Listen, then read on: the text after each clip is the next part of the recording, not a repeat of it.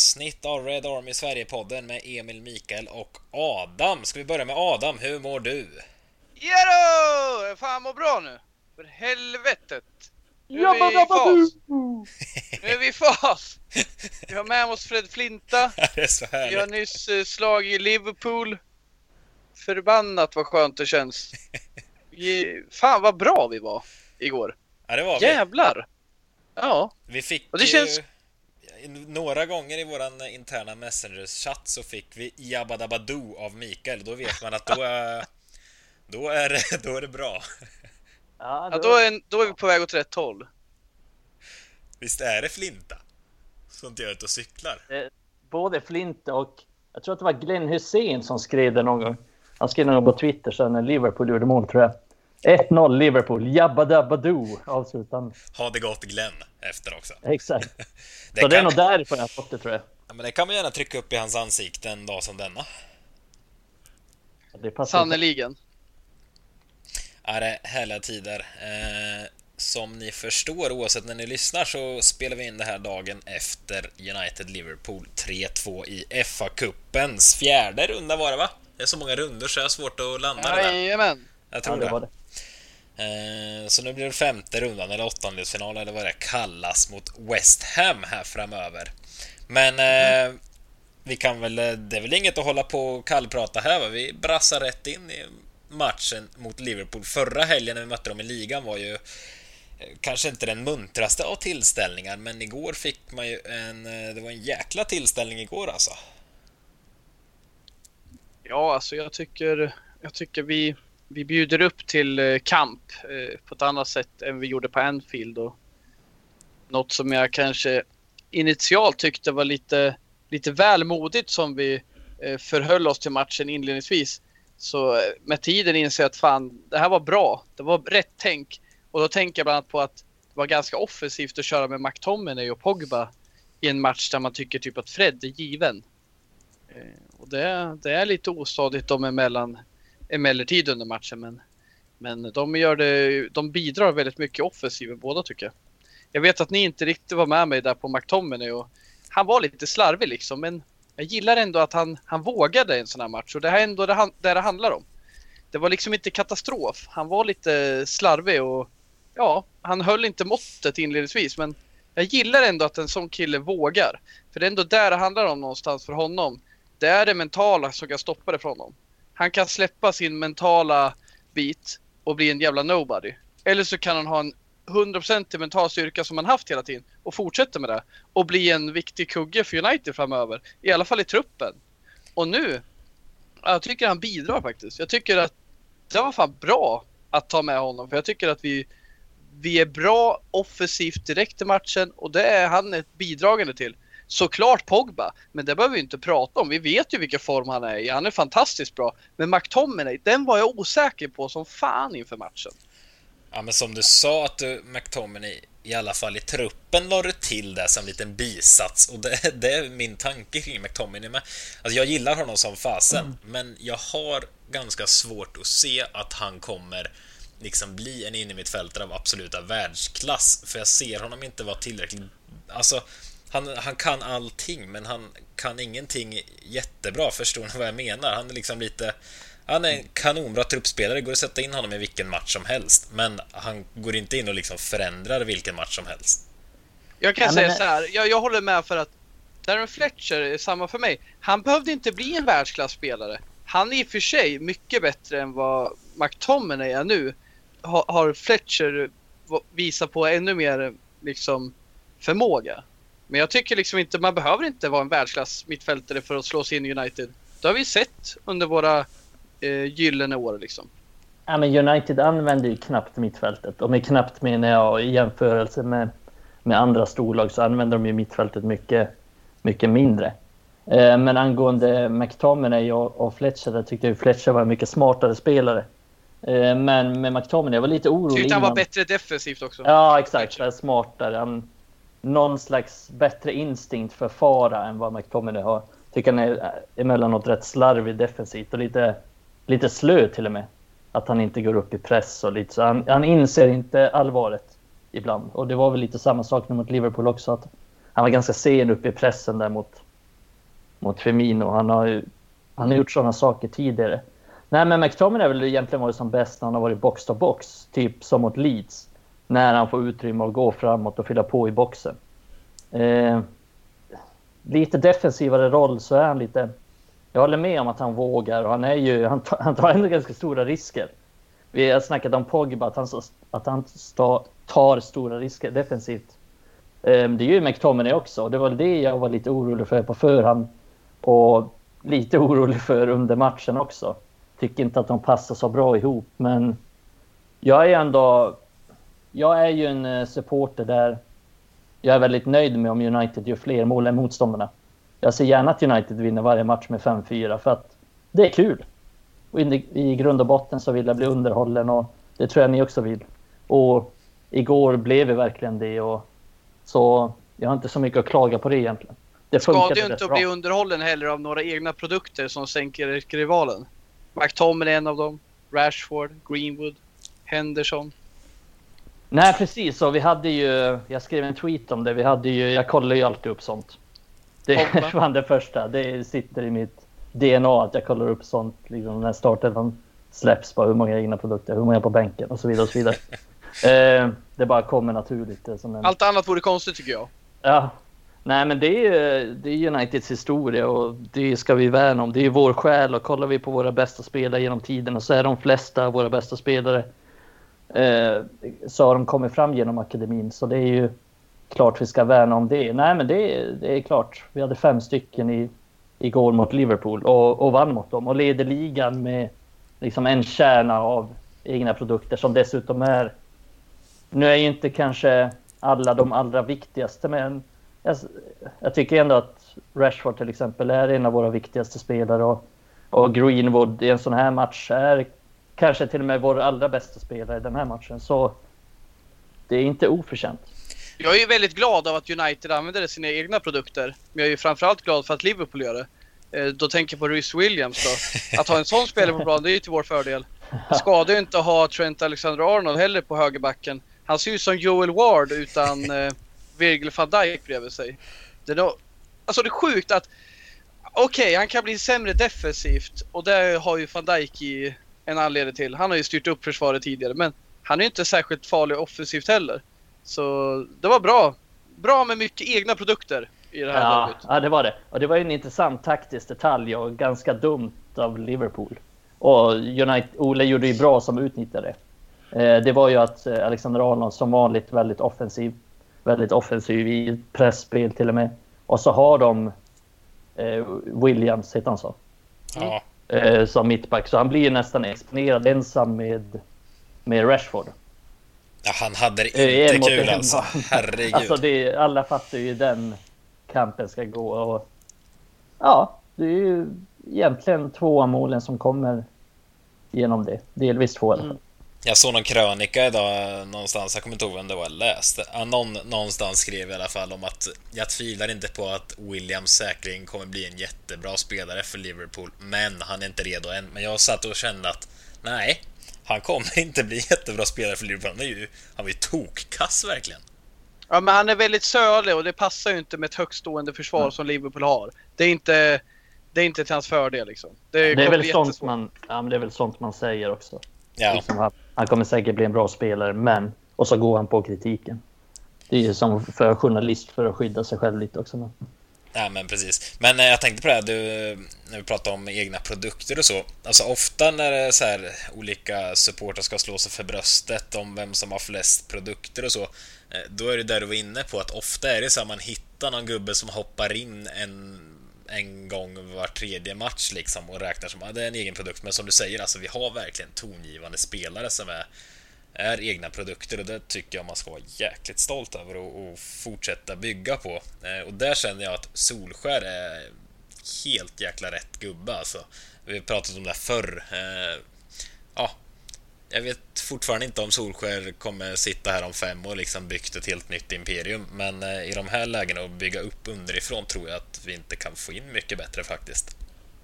Nej, och på det sättet är han ju bra. Vi kan ju jämföra med Lampard som faktiskt fick sparken idag. Men han gjorde ju också bra på samma sätt att han värnar ju kanske lite om Chelseas framtid och bryr sig om klubben. Och då har han gett chansen till till exempel Reece James och Mason Mount och Tame Abraham och, och Ola har väl gjort lite på samma sak. Han kunde ju gjort, tagit den enkla vägen och satsa på Lukaku. Kanske Alexis Sanchez också, som man vet har en grundkapacitet. Men han eh, tog beslutet att skicka iväg dem, sälja dem och satsa på... Han köpte inte in någon ersättare direkt. Eh, så han satsade ju egentligen på Rashford och Greenwood och, och Martial för att de ska få utväxling. Och det har han gjort helt rätt i. Alltså det, är, det är ett genibeslut. Det fantastiskt bra beslut. Modigt beslut och bra beslut och rätt beslut. Ja, men just utväxlingen eh, som har kommit nu. Eh, alltså det här med att vi slår Liverpool igår. Eh, vi har ju, ja, men som förra säsongen slog vi en hel del topplag. Eh, då hade vi snarare svårare mot eh, bottenlag och föra spelet många gånger. Eh, nu under hösten har det ju snarare varit tvärtom, att vi har ställt undan sämre lag men haft eh, lite tufft mot topplagen. Men oavsett vad så har min känsla sen Solskjaer kommit inte varit att vi liksom rent spelmässigt utan vi liksom kontrat oss fram till segrar mot topplag. Men igår, alltså jag tycker verkligen alltså att United var det bättre laget sett över 90 minuter rent spelmässigt. Och då tycker jag fortfarande att vi har brister som 17 i spelet. Alltså vi har en högerback som inte riktigt är delaktig, även om Bissaka var helt okej igår, men ja, där finns det verkligen att hämta. Och återigen in i mitt fältet. Jag personligen tycker i alla fall att vi behöver någon där. McTominay var bra igår som du sa, Pogba är bra, men vi behöver fortfarande någon som kan styra spelet där. Och får vi in det, alltså, vi är redan nu bättre än Liverpool i den här matchen. Och alltså, ja, det är väldigt mycket positivt att ta med sig. Solskjaer gör något jäkligt bra just nu alltså. Ja, jag håller med. Eh, du har helt rätt i det du säger. Och jag kan ju bara lägga till eh, mittbacksituationen. Jag har nämnt det förr och jag tycker inte de är bra tillsammans igen.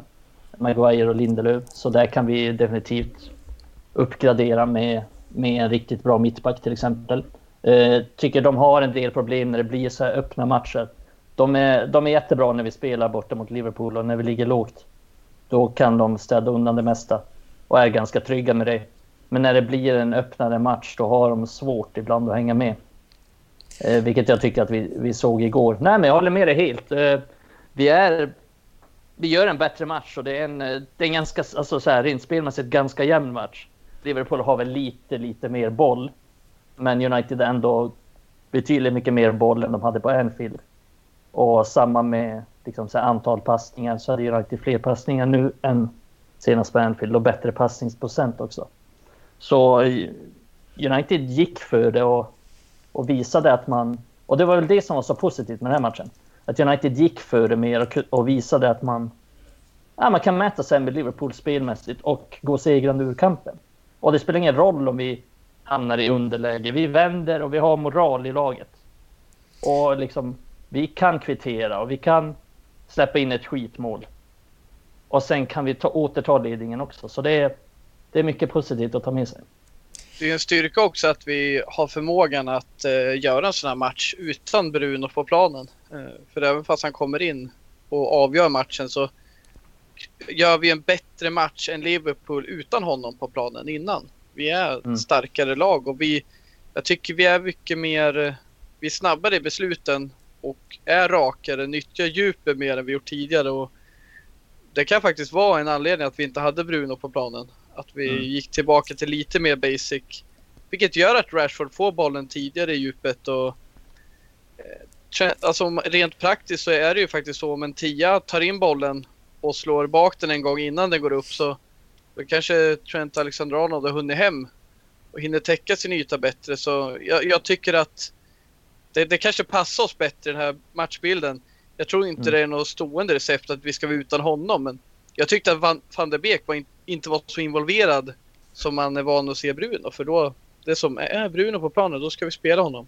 Typ som det var ett tag United när Rooney var den enda som var behållningen efter Ronaldo. Att man tyckte mm. allt gick genom honom liksom. Ja, men det är lite på tal om van der Beek. Det är ju lite, han är ju en annorlunda spelare. Det fanns en sekvens där han kom ganska rent och hade mycket yta på högerkanten. Men istället för att gå framåt som Bruno definitivt hade gjort och Rashford också och Greenwood också så vände han hem och spela hem och det är väl han kan inte ersätta Bruno varken kvalitetsmässigt eller han är inte samma typ av spelare heller, så det blir ett helt annat spel. Men jag tycker den största anledningen till att United var lite bättre igår, det var ju att jag tror att det är så enkelt att Rashford helt enkelt var bättre och Greenwood var bättre. Om vi tänker på bortamatchen på Anfield, då det var dåliga beslut i sista tredjedelen och samma mot City egentligen. Eh, men igår mot Liverpool, då hade Rashford, han tog bättre beslut. Han hade mer kvalitet i sina avslut. Och Greenwood hade mer kvalitet i sitt avslut och i sin sista passning än han haft tidigare. Så jag tror att det var stor anledning. United var ganska effektiva. Ja, och här vill jag lyfta upp att anledningen jag ser, och det, det håller ni med om, alltså att Rashford och Greenwood var så pass bra i den här matchen. Det är ju så mycket tack vare Cavanis eh, deltagande på planen. Ja. Hur han är, hur han är uppoffrande och får bort eh, tankarna och blickarna från de här spelarna. Det känns som att de får mer fri, fri yta än de får tillsammans med Martial som inte alls är si, lika rörlig, inte alls tar kampen på samma vis. Nej. Nej, han tar inte samma defensiva jobb. Helvete vilket bra jobb han tar defensivt. Och sen lite för bra där ett tag när han är nere på Uniteds planhalva och passar till Liverpool-spelare så att det blir mål. Mm. Mm. Det får han gärna sluta med. Men annars så gör han ju ett testjobb i, i defensiven och han är ju som en igel på. Det måste vara så jävla irriterande för en defensiv mittfältare som får bollen och är van att mot United att det kanske inte kommer med så mycket press, men då får man Cavani på sig och är som oh. en blodigel på honom. Här kommer sambon med nybakta bullar och mjölk. Det tackar vi för. På en måndag. Kanelbullar. äh, Alldeles varm. Nej, det blir... Beskriv smaken nu. Ja, det ska jag göra. Jag ska bara säga en sak om Martial först. Att, eh, ja, men det är ju ingen, det är ingen oro att ha honom runt sig när han inte är så där rörlig. Jag tycker att Martial kan ju vara ganska bra på att hålla i bollen, men oftast får han en frispark mot sig. Och sen har vi en, en, liksom en frispark på offensiv planhalva, nära mittplan. Men, här, Cavani, det blir alltid någonting, all, allt han gör, varje passning han tar, varje löpning han tar betyder någonting. Mm. Och det framförallt för Rashford och Greenwood som, ja men de får mer yta. De får ja. mer yta med honom. Och jag tycker att, jag, jag, är imponerad också av hans passningsspel. Jag tycker det, det är fantastiskt smart av honom. Han är rutinerad, det märks. Han är rutinerad och han, är, han har kvalitet i det sista han gör. Det är bara, även om det inte blir mål, det är bara att kolla på nicken. Det, ja, alltså, även om jag har sett Cavani och blivit imponerad av Cavani den här säsongen. Så när det inlägget kommer, då tänker jag fan, han hoppar ju alldeles för tidigt. Och det där blir väl ingenting, det är ett ganska löst inlägg. Man har ett jävla häng och nickar bra i stolpen. Så han fortsätter ju att överraska också. Med, han har kvalitet i de, i de sekvenserna som vi inte har på några andra spelare offensivt. Men det osar som världsklass kring Cavani. Alltså, han är ju inte purung längre, men alltså det han gör är riktigt världsklass. Alltså, jag är så skadad så till och med när han eh, ja, indirekt, eller ja, direkt nästan orsakar ett baklängesmål igår. Jag såg till och med någonting positivt i det, för han, alltså, han försökte ju verkligen vinna tillbaka bollen. Han liksom borrade ner huvudet och körde satan. Sen Sen gick det som det gick. Men ändå, det finns spelare, ingen nämnd, ingen glömd, som hade slagit den felpassen och bara gett upp och stått kvar där. Eh, så alltså det, ja, det finns någonting i Cavani. Alltså, han och Bruno, liksom, de har kommit in med Även om Bruno inte spelade igår, eh, eller han startade i bänk, men jag vill få det till att han har liksom gjort någonting som, som man kan likna med, med Zlatan Ibrahimovic. Eller ja, var jag tvungen att förtydliga vem Zlatan är kände jag. Ja, vem, ja, ja. Vilken Zlatan? Ja, men du vet den. ah. Han skalliga. Ja, precis. Nej, vars, men, ja, men Zlatan han kom tillbaka till Milan nu. Eh, han verkar verkligen ha fått in någonting i hela truppen där, så sen även när han inte var med när han gick skadad här nu så truppen bara fortsatte. Jag tycker att Bruno och till viss del även Cavani, det känns som de liksom fått in någonting i truppen, att det funkade igår även utan Bruno. Truppen liksom, alltså de spelarna som var på planen liksom slöt samman och någon form av ny mentalitet. Jag vet inte vad jag vill komma fram till, men det var en liknelse jag landade i här. Nej, men det är intressant att du säger det, för jag har inte riktigt dragit den parallellen tidigare, men, men så var det ju verkligen med Zlatan i United också. När han kom in, att han satte en ny standard för vart vi vill nå och vart vi vill komma. Och det är ingen slump att vi vann ganska... Att vi var rätt framgångsrika med Zlatan. Och han satte ju stort avtryck i omklädningsrummet också och alla såg upp till honom och alla liksom följde hans standard som han satte. Så jag, jag håller helt med om att Bruno har, har någonting där. Det har vi snackat om tidigare. Men Cavani har också någonting där. Att han sätter en standard. Jag tror att det är jävligt bra för Greenwood och Rashford och Martial också att se Cavani på träningen och se honom på matcher och se sakerna han gör. Eh, så att jag ser det bara som nyttigt att han är en del av truppen och förhoppningsvis även nästa säsong. Hälften är ju teknisk kvalitet där de kommer in med och hälften är ju den ja, mentala höjningen hos alla andra. Det är ju, alltså har man någon bredvid sig, en ledare som tror på någonting, då är det inte svårt att tro på det själv. Men är man med ett gäng som inte vågar tro, inte vågar vinna, då blir man ju orolig själv och det är riktiga ledaregenskaper de kommer in med. Och jag har sagt det flera gånger tidigare, men just det är det bästa med Bruno. Han har fått alla andra att tro på det vi gör. Han mm. har även hjälpt Solskär liksom. Med den biten. För Solskär kan stå och prata. Men om Bruno då blir hans förlängda arm. Ja, med de lagkaptens egenskaper han har. Och tror på det. Ja, men vi tror på det här, den här processen. Eh, låt det ta tid. Han är ett, en bättre förebild för ungdomarna. Han kan även väcka liv i gamla spelare som kanske är lite trötta. Alla tror på Bruno. Och tror man på Bruno och Bruno tror på Solskär, ja men då tror man på Solskär med. Alltså han har ju verkligen hjälpt honom där och tro på det här projektet. Men eh, vad tänkte jag säga om vi ska landa tillbaka i, i offensiven som vi hade igår. Eh, Cavani startar få, eh, ja, som anfallare och så hade det Rashford och Greenwood på kanterna. Vad säger ni, bör det vara våran fronttrio nu i nuläget? Martial har ju en formsvacka så han tycker ju inte jag ska, han ska inte komma i närheten av planen eller av en startelva närmsta tiden. Jag tycker faktiskt inte det. Men eh, Greenwood har ju varit under isen tidigare också. Rashford har levererat hyfsat kontinuerligt ändå. Men vad säger ni? Ska Greenwood fortsätta bara trumma på nu eller ska man skjuta upp Pogba där igen? För Pogba kan man inte heller peta eller hur, hur tycker ni vi ska ställa upp framåt? Jag tror att det kommer vara från match till match. För vi har ganska många alternativ nu och ganska många olika egenskaper som passar olika bra. Jag tror att till exempel eh, mot, eh, eller mot Liverpool borta så var det rätt att ha Pogba lite högre upp i, på en högerkant till exempel. Eh, så att jag tror att det, det kommer bero på vilken match som spelas. Eh, men eh, jag håller inte riktigt med. Alltså jag, visst, Martial har inte varit bra, men jag är fan övertygad om att han, om att han kommer starta snart. Eh, och jag tror att han är en spelare också som... Han har ju inte jämnheten och han har inte varit bra den här säsongen, det är sant. Men jag tror ändå att han kommer kunna leverera snart, att det är bara en tidsfråga, lite som för Greenwood. Eh, men men om vi, om vi snackar liksom, jag tycker om den här fronttrean.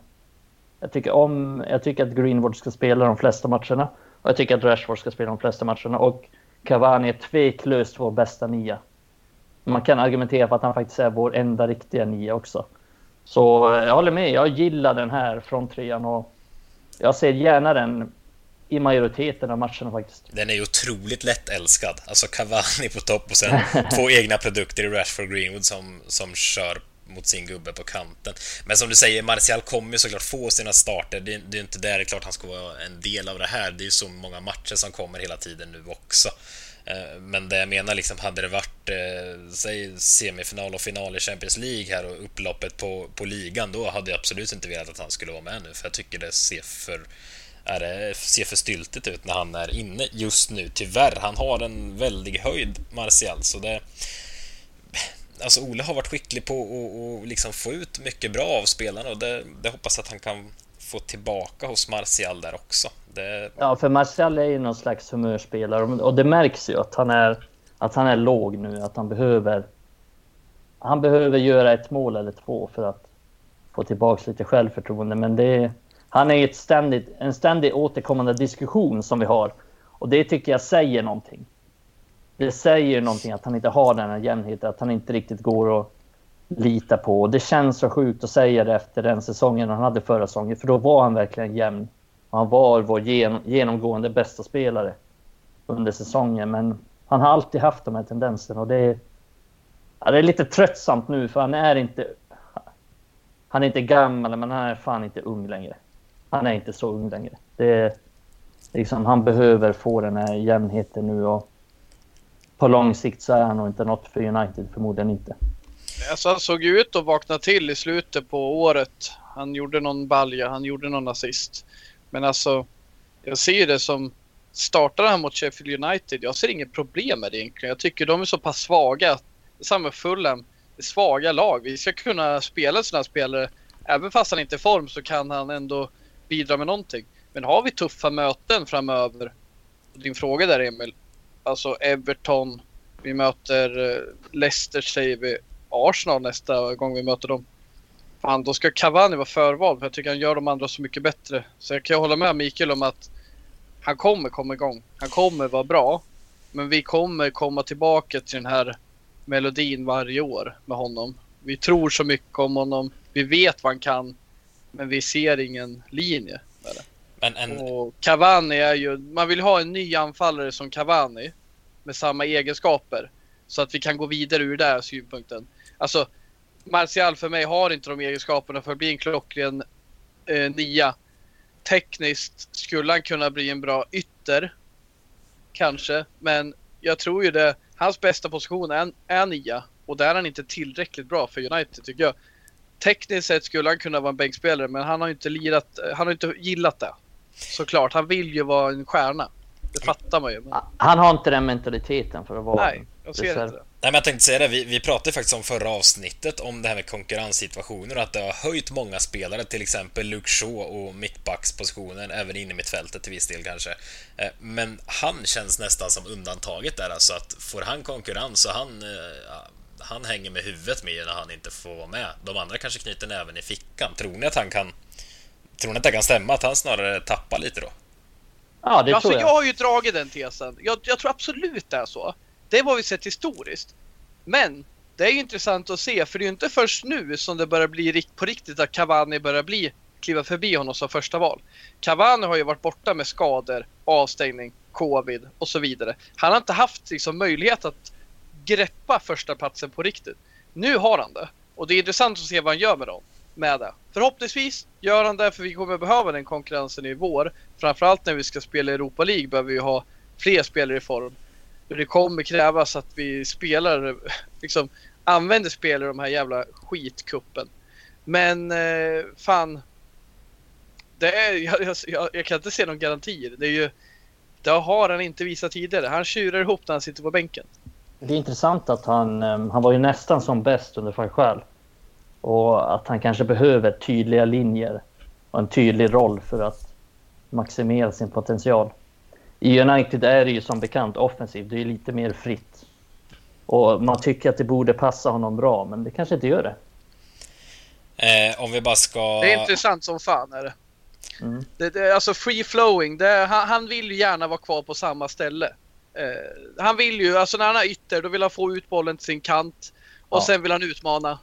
Och ibland har han gjort det skitbra, ibland blir det ingenting av det. Men han är väldigt tydlig sådär. Alltså jag tror att det, det kan, han, kanske be, han kanske behöver en, eh, en slags tydlighet där och det har han väl inte riktigt fått. Alltså det får han inte riktigt under Ole. Det är ju mer ganska individuellt baserat framåt. Men om vi ska beröra den fjärde offensiva gubben vi hade från start igår som brukar vara ett hett samtalsämne, framförallt i våra kommentarsfält kanske, eh, Donny van de Beek. Vad... Vad menar du? Ja, vad menar jag? Du menar men att folk vill ha honom på planen? Ja, det verkar aldrig så. hört. Även en del, Aldrig sett. även en del av våra kära skribenter i våran grupp eh, slåss ju en del för honom också. Men vad, vad tycker ni? Alltså jag känner, jag, jag vet inte. Jag imponeras inte av honom. Jag, han är jätteduktig liksom rent tekniskt och det finns massor fotboll igenom, det ser man. Men jag vet inte. Jag går inte igång på när van der Beek är på plan. Jag gör inte det. Brukar man inte sammanställa så här efter varje år? Vad är det mest googlade? Och det mest googlade kommer vara, var är Donny? Exakt. Vad har han gjort, Ole? Nej, men... Eh, nej, han har ju inte presterat tillräckligt bra. Fan, vi har, varit, vi har berört det så många gånger, men det finns ju... Det finns ju någonting där att han inte riktigt har kommit in i sätt att spela. Tycker fortfarande att han har någon slags Ajas-tänk där han spelar, vill spela kvadraten. Men United, när han spelar 10 United, då funkar det inte så. En tia i United ska slå en avgörande boll, ungefär som Bruno Fernandes gör. Ska få, ska få, han ska få en passning och slå den ganska rakt, ganska tidigt. Men han gör inte så överhuvudtaget, så jag ser ingen riktigt plats till honom. Och vem petar han på defensivt mittfält? Vem petar han som någon annan mittfältare? Nej, jag ser honom egentligen bara få plats i, en, i ett diamantmittfält. Och det har vi inte använt så mycket. Eh, så jag tycker Eh, nej, han passar inte riktigt in i sättet att spela. Och Ola inte haft någon anledning att spela honom allt för mycket. Även om många vill få in honom så har han inte varit särskilt bra. Det har gått bra utan honom. Så han har ingen skyldighet av att spela honom. Det känns så vaniljigt på något sätt över van de Beek. Han, han är vaniljen, rakt över. Men eh, ja. som du säger, ska man få in honom så är det ju en diamant i så fall med ett ankare och sen vore det ju i och för sig intressant att se Pogba, van de Beek och sen Bruno framför. Men det är ju då tycker jag att vi inte har ett tillräckligt bra defensivt ankare. Då ska man ju ha en riktig... Jag vet inte, nu kommer jag inte på något bra exempel här bara för det. Men alltså då ska man ju ha en... Jag tycker inte Fred räcker till där heller, utan då behöver man någon som liksom kan... Ja, vara... Alltså en riktig mur... Matic när han var som bäst kanske. Eh, eller ja. liknande. Eh, och det tycker mm. jag inte riktigt vi har i truppen i, i det här läget. Men eh, nog om van de Beek. Vi har pratat om honom mycket förr. Eh, Alltså jag tänker så här, nu har vi nollat Liverpool på Anfield förra veckan, även om det kanske inte var den roligaste tillställningen. Eh, men nu har vi slagit ut dem ur FA-cupen. Vi har ändå dragit ifrån dem i ligan, får man säga. Eh, även om det går fort, eh, om de börjar ta igen såklart. Men ändå känns det som vi sitter här vecka efter vecka och man ser också i kommentarsfält och alltså överallt, snacket känns som att man har mycket ändå peta i att United spelar inte så jättebra. Alltså det, det känns som allt klaffar ju inte hela tiden och man har ganska mycket åsikter kring vad Solskjaer gör, att det här måste förbättras, det här måste förbättras. Men ändå går det ju sjukt bra. Vad är det Ole gör, tror ni? Alltså, hur går det så här bra, rent ut sagt?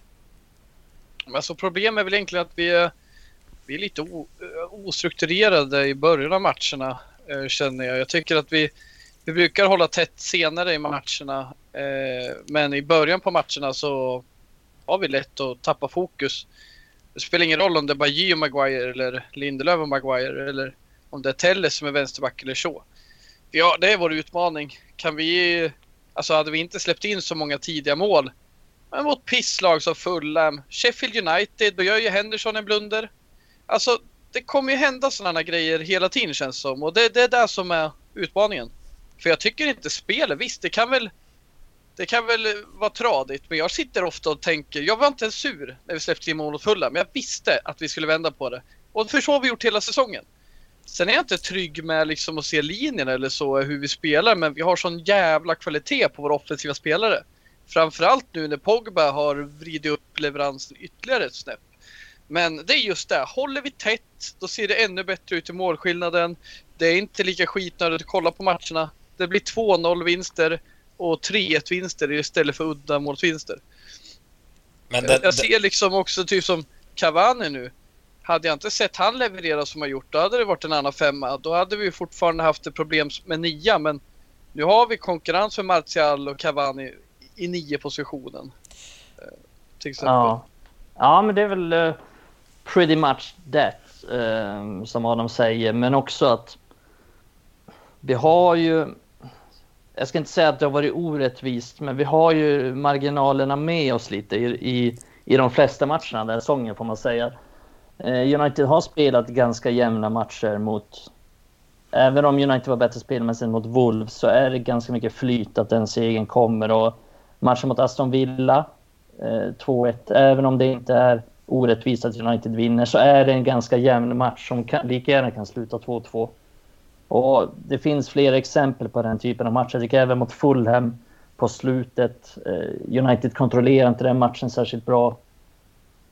Tur att liksom kvitteringen inte kommer. Och den kvitteringen kom ju mot Leicester där man kanske borde vunnit men, men samtidigt inte kunde kontrollera den matchen. Så det är, kollar man på expected points och expected goals så har ju United lite mer poäng än vad man borde ha sett till säsongen.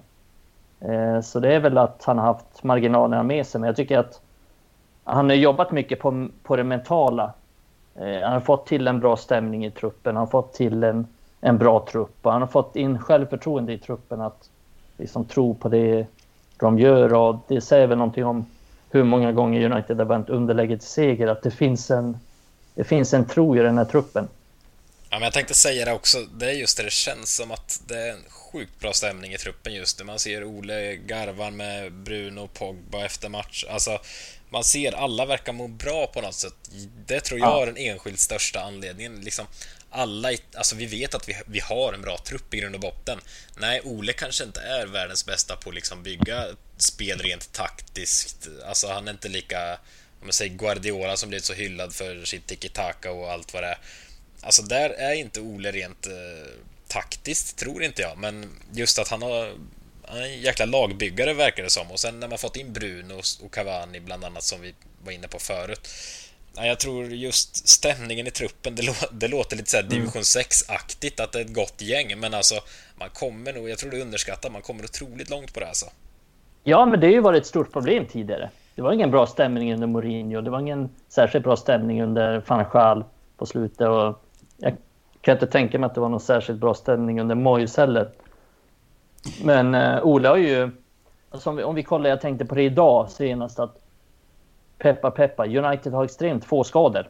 Och det är ju någonting som Ola jobbar på också. Han har gjort det här laget mer vältränat. Eh, det är vida känt att Morinos lag inte är särskilt vältränade. Eh, springer ganska lite. Men det här Ole-laget är mycket mer vältränade. Nästan inga skador på några nyckelspelare. Visst, Rashford har skavanker och det märks och Lindelöf har det, men om vi kollar på skadelistan hur det har sett ut den här säsongen, då är det ju egentligen bara Phil Jones som hänger i rehabrummet. Och vem fan vet om han ens är skadad? Eh, så det har egentligen inte varit några skador eller stora avbräck eller så. Så han kan köra på med ganska mycket med samma lag. Och Maguire spelar extremt jävla mycket. Bruno Fernandes spelar extremt mycket. Och även om Bruno såg lite trött ut mot... Alltså i någon match här om för någon omgång sedan så har han ju så såg han ju verkligen inte ut trött ut nu. Så det finns ju. Det finns ju någonting där som han har byggt på. Mycket i rotation också. Du nämner ju att eh, Bruno och Maguire har ju spelat mycket och Maguire är väl en av de som spelar mest i hela världen de senaste mm, 12 månaderna. Ja, jag tror Lindelöf också med där i toppen. Innan han började skada sig i ryggen då. Men, ja, eh, innan Baji var som ett fullgott Ja, precis. Också. Det var väl något statistik som kom upp i höstas. Men i alla fall, det är många av de här spelarna nu som fått vila en del mer än de varit vana vid. Eh, man har ju typ kört slut show varje år eh, och nu har man Telle som alternativ. Martial får vila lite mer än han kanske gjort tidigare år när han har, i alla fall under Solskär, när han har fått en baksida lårskada. Det är också en skadebenägen spelare. Så det är, det, är, det är också en stor del att han har vågat rotera. Det är väl egentligen bara VB som inte får vila så mycket av eh, de mindre bra spelarna så att säga. Verkligen. Eh, ska vi avsluta det här eh, första segmentet här med att Mikael kör en Jabba Dabba Doo? Får vi det eller? På beställning så. Fan vad jag hatar det. Jag vill ha Jabba Doo! Så ja.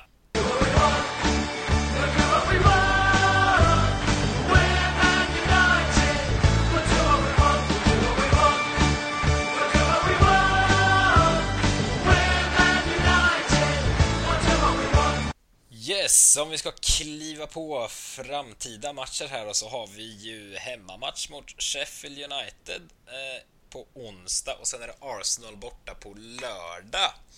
Vad... Kliva på? Vad skrivas på? Vad sa du? Ska klivas på? Vad sa du? Vi ska kliva på nästkommande matcher? Ja, det, vi ska kliva på Sheffield United och Arsenal. Det är fasen vad vi håller på med för tillfället känner jag.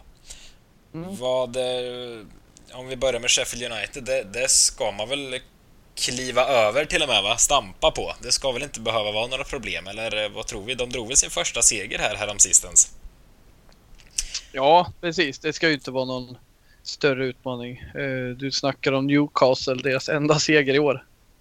Det, är, det måste vara det enda laget som är sämre just nu än eh, Sheffield United. Det är Newcastle.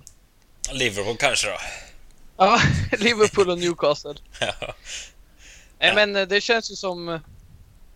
Ja, jag tyckte det var bra att vi ställde upp ett starkt lag mot Liverpool i kuppen. Man vill ändå ha ett lag man tror på när man möter Liverpool. Man vill ju inte bli potentiellt förnedrade på Old Trafford för att man för FA-cupens skull ska ställa ut ett B-lag liksom. Så, så Nej, nu finns det möjlighet istället att eh, rotera. Vi vill ju sticka kniven och vrida om lite extra på Liverpool. vrida om ordentligt flera gånger fram och tillbaka. Så är det ju. Och jag tycker till exempel att Alex Telles, ja, perfekt läge för honom att spela den här matchen. Det vi kommer utsättas för, det är väl egentligen en, en ja, duktig, allt är relativt, men det är en duktig target i David McGoldrick. Och förmodligen lite djupled spel från eh, Burke eh, centralt då med deras två forwards. Jag är inte jätteorolig för om det är Telles eller Shaw som är vänsterbacken den här matchen. Och vi behöver ju faktiskt rotera lite nu. Fred fick ju knappt spela sist och... Det här är väl en match som jag inte riktigt är orolig hur han än ställer upp egentligen. Jag tror att eh, till exempel den här konstellationen vi kört tidigare i vissa matcher, vilket funnit sig bra med, eh, med eh, Pogba och Matic, skulle kunna funka. Jag, är inte så jävla orolig, men jag tycker det, är dags att rotera. Och som jag nämnde nyss, jag är inte oäven med att köra Martial från start. Är det någon match han ska kunna komma igång så är det nu. Och jag vill minnas statistik från förra mötet när vi satt och snackade innan att Martial har ju gjort mycket mål mot Sheffield United. Så eh, ja, men det är ti- time to rotate. Men som du, Ja, du var inne ja, på det det förut Adam, att, att eh, roteringen... eh, alltså Ola har fått in någon fin rotering här på något sätt. Det är liksom...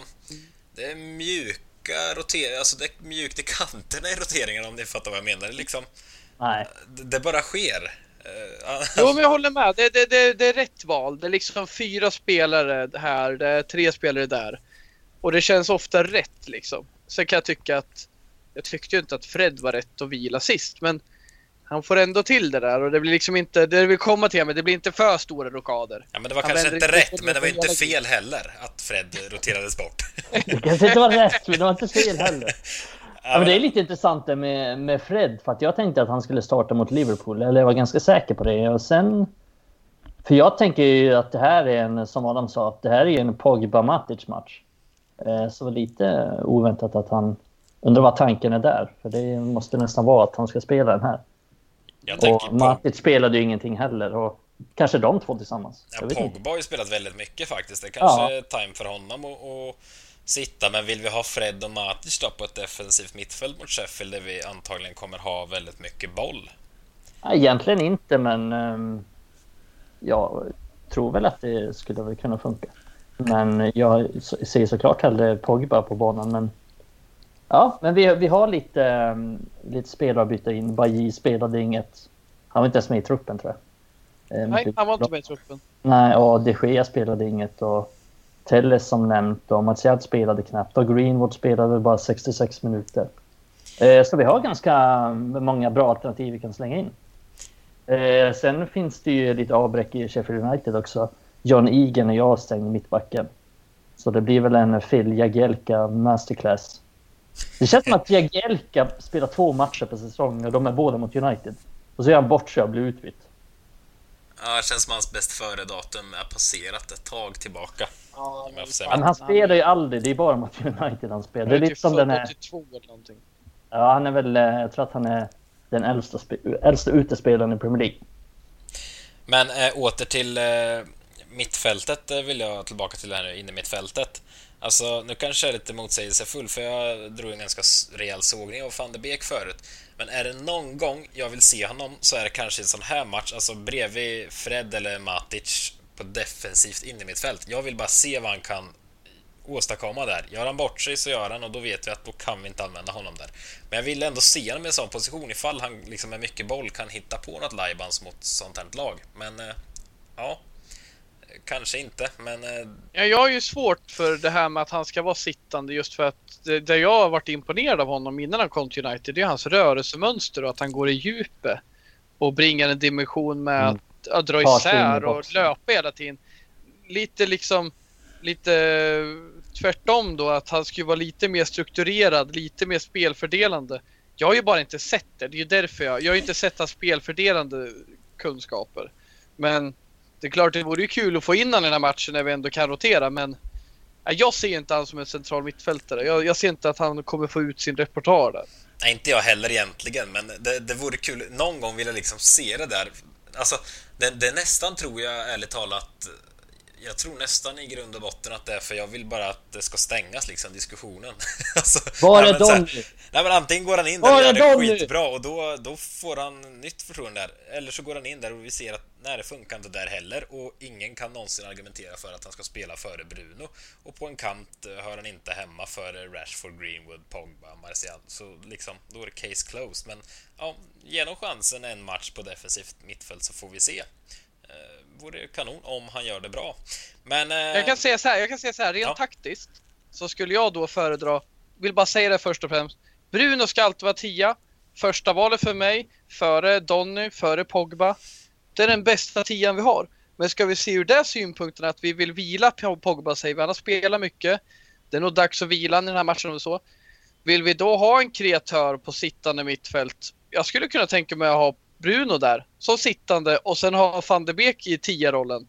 Då har vi en tia och vi har Bruno som utan tvivel kan klara en sån roll bredvid en Fred eller en Matic. Där ser jag liksom mer att han kan från djupt eh, från en djup del av planen hitta till tian, hitta i djupet, eh, och lugna ner spelaren när det behövs, öka upp tempot när det behövs. Jag ser inte det som vår, som vår nyckel framöver, men jag ser det som en en liten eh, bakdörrsnyckel vid tillfällighet liksom. För jag tycker inte det är dags, jag tycker det är dags att vila Pogba. Det är det. Jag vill ha en fräsch inför viktiga matcher framöver. Och jag skulle inte alls tveka på att testa den chansen. För alltså, han spelade lite så i Sporting. I, i den rollen. Inte jätteofta, men han, han var inte bara tia där.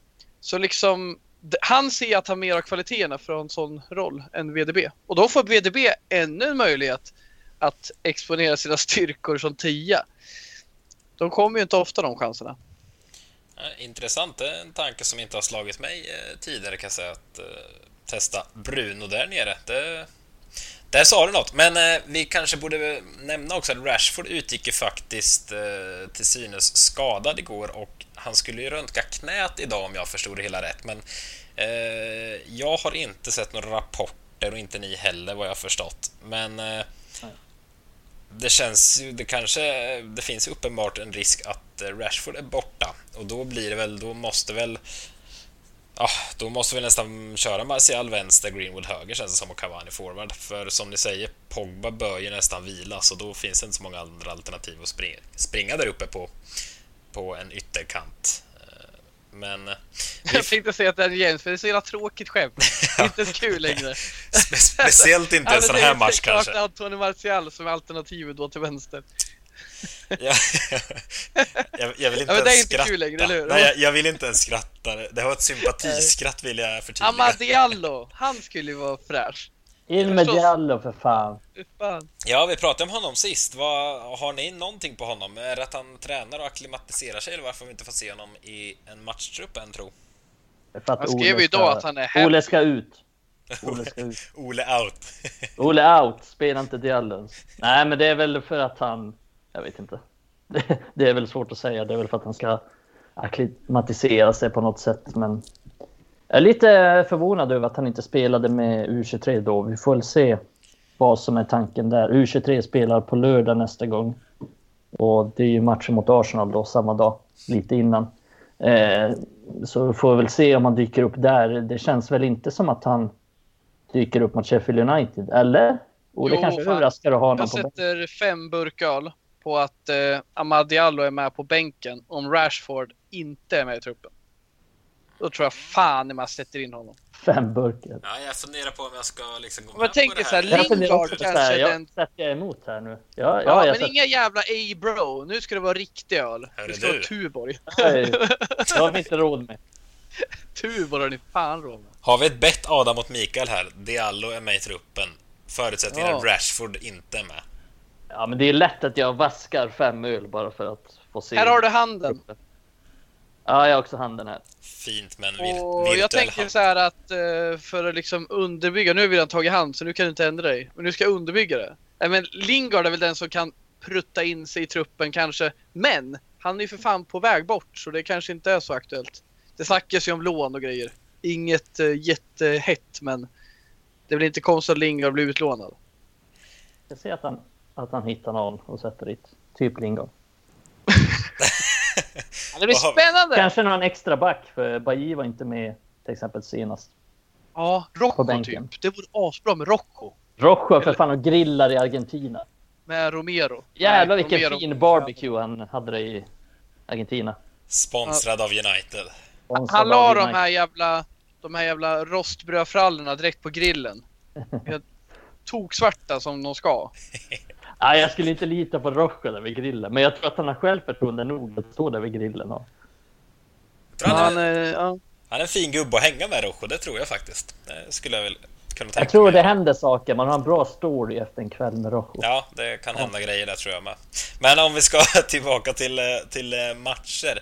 Tellis pratade du om förut Adam, tror jag, va? att eh, det här är verkligen ett läge för honom mot Sheffield. Och Shaw är ju ytterligare en spelare, vi pratar om Pogba där också. Shaw behöver ju faktiskt också vila, han har ju en väldigt skadehistorik sen förr också. Eh, Mm. Så känns, hade varit väldigt märkligt om Telles inte får spela den här. Men om vi ska över till andra ytterbacken, Van Bissaka är ju Alltså Brandon Williams, han var ju inte ens med i truppen eh, mot Liverpool nu heller. Han, eh, han är inte med så mycket. Men alltså, säga vad man vill om Van Bissaka, men han spelar ju nonstop verkligen. Han behöver ju vila också om något, men vad, vad händer där tro? Han, Han han inte gjorde ju han inte det inte- förra säsongen heller. Han han går inte-. Man går inte över halva plan så han behöver inte. Han är ganska chill där på Ja, sin men du kant. var ganska kaxig mot grottmänniskan där på deras vänsterkant. Robertson. När han tri- petade bollen förbi och sen han. skott... Eller inlägg... Ja, fy fan vad snyggt. ja, jag vet inte. Gåshud han kom fram. Gåshud, du vet han petade förbi och så fick han ytan där. Tänk om det var publik. Alla hade ju bara ställt sig upp. Ja, vilket liv det hade blivit Ja. alltså. Helt Ja, ja. jävla Men galet. på tal om det, fan vad man saknade fans mot Liverpool. Ja, ska vi inte gå in på djupen, men vilken magisk stämning det har varit. jag tänker en sån Ja. match som igår alltså. Liksom mot Sheffield är det lite skitsamma, men en sån här match alltså. Herregud, vilket drag det hade varit. Deppigt är det. Men... eh, Men på men tal om Telles, Ja. alltså han har ju inte, han har inte startat. Han, han, har inte, han har inte spelat en minut i ligan sen han blev utbytt mot Wolves. Det kommer ni ihåg när han blev utbytt i halvtid? mm, det var ett Shaw tag sedan. har ju, som, som vi snackade om, med all rätt tagit åt sig platsen. Men liksom, han får ju inte ens starta mot Burnley eller Fulham, eh, Telles. Så det är ju fan läge nu. Och inte minst för Shaw då, som behöver vila sig i kropp eh, av historiska skäl. Men jag tycker liksom det är lite konstigt ändå att Telles inte fått... Ja, vi vet han har brister och sådär men han måste ändå få spela mer för att bevisa om han räcker till eller inte. Shaw ska vara första valen men vi behöver skydda Shaw med. Det vet vi sedan tidigare. Men eh, vad tänker ni, vad sker om Van Bissaka skulle gå sönder? Vi, ingen av oss vurmar jättemycket för Van Bissaka, men det är ju väldigt ont. Skulle Williams eh, få komma tillbaka in i värmen eller skulle han liksom köra ut Tuan Sebe på högerbacken eller eh, testa Telles eller Shaw på högerbacken? Eller vad händer där? Det är så tunt där alltså. Jag tror så här. Alltså skadar han sig idag. Att han, han, att han, att han trampar snett och hans klöv går i två bitar. Då är jag rädd, eller rädd, jag är glad i att kunna säga att vi kommer köpa in en ny högerback. Så Ole kommer inte göra några särskilda affärer, jag är helt säker på det. Men utan honom, om han är borta i två månader, då måste vi köpa in honom för vi har inga alternativ. Vi kan inte ha Brandon som högerback. Det är bättre att låna ut honom då. Men däremot skadar han sig den 5 februari och vi inte kan köpa in någon. Då är det ju Lindelöf tror jag. Han kommer köra som ett alternativ. För att Bajy funkar bra med Maguire och Lindelöf. Ja, han kan spela högerback. Han är fan inte sämre offensivt än, än eh, AVB. Tvärtom tycker jag väl att han har mer spelförståelse och kan ta beslut tidigare när bollen ska gå i djupet och när den ska gå in i banan. Så det, det är nog min tanke där. Att han kör Lindelöf. Mm, ja, intressant. Som sagt, vi kan nog få se ganska många roteringar, eller roteringar, men eh, ganska många nya spelare från start imorgon. Men, eh, eller imorgon. Vad är det för dag? Det, det är hemskt det här. Onsdag. Onsdag Då är blir det måndag. Det är inte lätt att vara student och på distans dessutom. Mikael känner med mig här Nej, tror man har ingen jävla koll på vad. Herregud. Var på födelsedagskalas för min mamma igår och vi ska tydligen åka skidor här framöver. Och hon pratar i veckor. Förstår ni när någon pratar en veck vecka sex ska vi iväg? Bara, när är det? Jag har aldrig, jag har aldrig fattat. Nej. Det är ju jag med. inte Det kommer jag sen när ni börjar jobba med kalendrar och grejer i ert jobb. Då kommer ni börja snacka veckor. Nej, jag tror inte det. Jag har aldrig kunnat veckor. Det är helt obegripligt. Ett Så här bara, vecka påhitt, 36 ska vi göra någonting. Det är som när jag var liten. Jag trodde aldrig jag skulle snusa. Okej, det är samma sak. Vilken liknelse! Nu snusar jag visserligen inte längre men det kanske värt att förtälla. Nej men det kommer, jag lovar. Det låter konstigt. Jag har varit där. snus och veckor. Ja men när jag var liten så trodde jag väl inte att jag skulle börja snusa. Men sen när jag, framförallt inte när jag körde ner näsan den där äckliga jävla dosan. Men när man har den där känslan under läppen då är det fan inte dumt. Och det är samma när man jobbar med veckor och kalendrar. Då är det lättare att hänvisa till en vecka. Att vi påbörjar det där vecka fem. Istället för att säga den 25 eller vad det är. Ja, Det är förvisso lätt att kolla upp veckorna så. Det är inte så Det finns ju men, det, men det är inget man har koll på. Det är inget man har koll på känner jag. Typ så här, du sitter där den 13 juli. Du har ingen aning om det är vecka 20 eller vecka 40. Är det... Nej men jag, jag, jag har ju inte så här, ja United möter Brighton vecka 7. Så tittar jag inte. Men jag vet kanske att jag ska på en utbildning vecka 7. Visst är det samma typ av människor som pratar i veckor som också kommer tillbaka efter semestern och så här. Ja, men vad skönt att vara tillbaka i lite rutiner här va? Så, liksom en Ja, det är också när man blir nöjd att vara tillbaka. Gubbe. Ja. Äh, fy fasen. Nej, åter till eh, fotbollen eh, återigen här. Eh, sen har vi Arsenal eh, på lördag också, borta. Och det är väl en match för några veckor sedan hade man väl eh, garvat lite, men eh, de har ju börjat varva igång det hela lite och Arsenal United är fortfarande Arsenal United. Så den matchen skrämmer väl eh, i alla fall lite mer än Sheffield. Jaså, har de tagit sig upp ur bottenstriden nu eller? jag har inte riktigt koll på Jag tror det är 15 plats eller något. Ah, ja, ja, ja. Arsenal. Kul för dem, kul för dem. Ja, Arsenal, de, de eh, vann ett par ligatitlar faktiskt i början på 2000-talet där Adam. De spelar i rött och vita ärmar Ja, ofta. de. Ja. Ja, nej fy fan. Nej men det, det är ju fan, vi har inte förlorat en match sen vi mötte dem. Och där, där har vi lite bevisat. Det är ju en match vi ofta har problem med, Arsenal. Eh, Solskär har väl inte vunnit mot dem än. Och innan det, att Solskär tog över, då hade vi faktiskt en, en bra tradition mot dem. Han har vunnit mot dem i FA-cupen. Han har det? Okej. Ja. Det kanske, ja just det, det är ligan vi inte har vunnit mot Arsenal. Jag sitter och kollar här nu. Arsenal rök ur FA-cupen här i förrgår, men innan det så hade de faktiskt sex raka matcher utan förlust. Så alltså, ja, som sagt, man skrattar rätt mycket åt dem i början av säsongen, men de har hittat någonting och då har de ju bland annat så lirade de väl ut, de lirade i brallorna av Chelsea där i mellandagarna minns jag. Eh, ledde väl med 3-0 Det ska sägas 3-1. att de har ju mött, eh, de, de gör en bra svit, absolut. Men de har mött ganska svaga lag och framförallt för lag som är i form. Newcastle, Palace, Chelsea och så. Men absolut, de har en svit. Den ska respekteras, så är det. Men jag är mer rädd för liksom vårt mentala mot de här Solskärs mentala. Det känns som att vi alltid går ner i gapet på Arsenal. Att de kontrar sönder oss. Det gjorde de inte förr, förr var det tvärtom. På Mourinhos tid då var det ofta att eh, vi kontrade sönder dem. Ja, men exakt. Och det är svårt att veta någonstans var man har Arsenal nu. Det är ju såklart att de, de har ju bra spelare i grunden och på deras dag så kan de ju vinna mot alla lag i ligan. Så är det.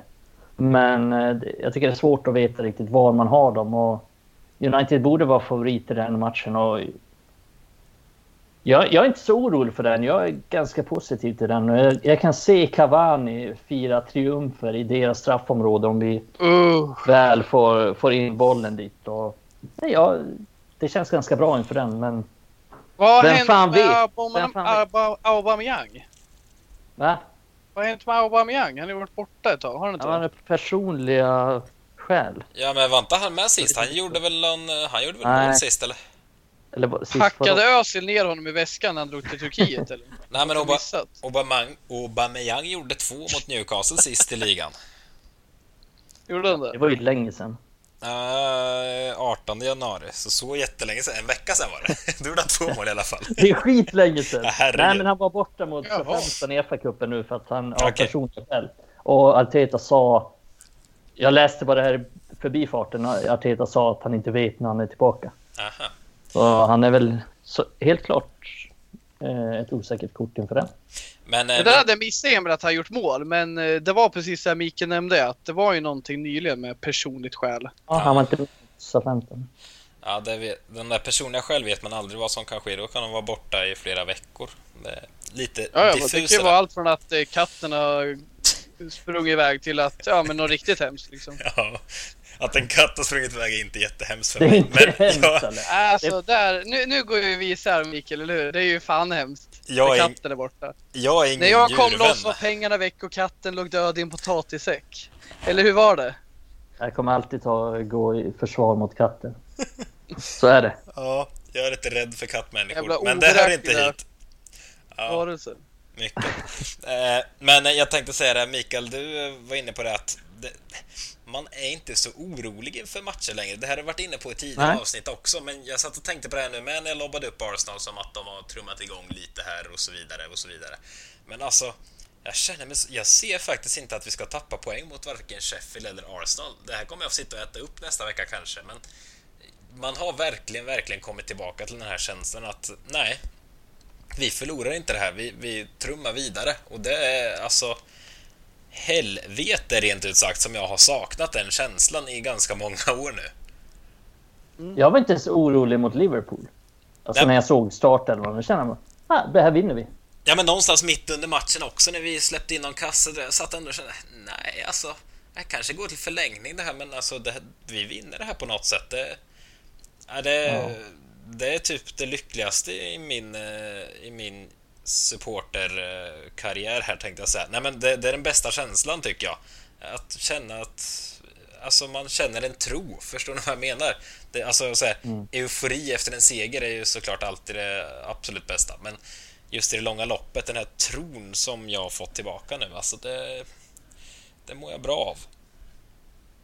Och eh, det behöver vi i dessa pandemitider, återvänder vi till också.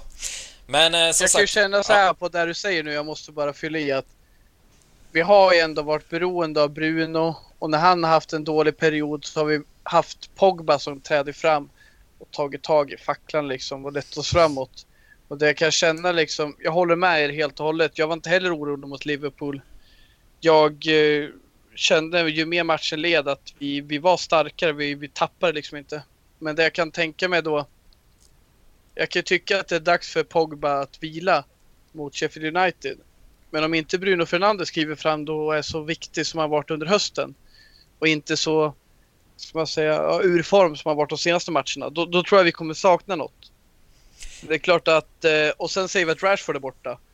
Det är liksom X-factors vi kan sakna på flera håll på plan och det är väl ja, där jag kan vara orolig för den matchen. Att, eh, ja, det är en jätteviktig match för Bruno då. Om Men- varken Rashford eller Pogba är med. Men samtidigt eh, sitter jag med känslan av att jag vet att vi kan luta oss mot Cavani, vi vet att han kommer leverera en sån match. Eh, Greenwood känns som han hittar tillbaka till någonting nu. Jag tror självförtroende-knuffen han får av 1 plus 1 mot Liverpool tror jag kan vara fantastisk. Och om vi vilar Pogba då har vi fortfarande honom på bänken och kan slänga in. Martial finns fortfarande med en grundpotential. Alltså, ja, jag ser ljust på det någonstans. Det känns bra alltså. Ja, jag, känner, jag, är inte, ja, jag är inte heller orolig. Vi har så många matchvinnare och så många potentiella spelare att slänga in och så många potentiella matchvinnare på planen. Så jag... Och någon gång måste Maguire träffa mål med sina nickar och göra mål. Så att, ja, det, det känns ganska bra. Jag har sagt det i några matcher nu så här bara, Maguire gör mål. Mm. Eh, så han, han gör mål snart. Så är det. Han kommer inte göra mål på huvudet, han kommer göra mål på långskott. Han Nej, kan inte nicka på mål. det är inte Tranmere vi möter. Jo, Han det är nästan. Tranmere. Sheffield United utan John Egan och John O'Connell och fucking Oliver Burke på topp, det är Tranmere. Jag säger så här. Är man, är man orolig för att John Egan saknas i laget, då är man illa ute. Japp. ja, du har en poäng där. Det kanske ska bli avslutningsorden till och med en, en sågning av John Egan. Eh, som eh, vanligt får ni mer än gärna kommentera och härja om vad ni tycker eh, vi gör bra och helst vad vi gör mindre bra så vi vet vad vi kan ändra på helt enkelt. Så går vi vidare och kikar Sheffield och Arsenal innan vi dyker upp med ett nytt avsnitt om en vecka ungefär. Jag tackar er herrar för idag och önskar er en trevlig kväll. Tack detsamma. Tack, tack. Ha det gott. Hej!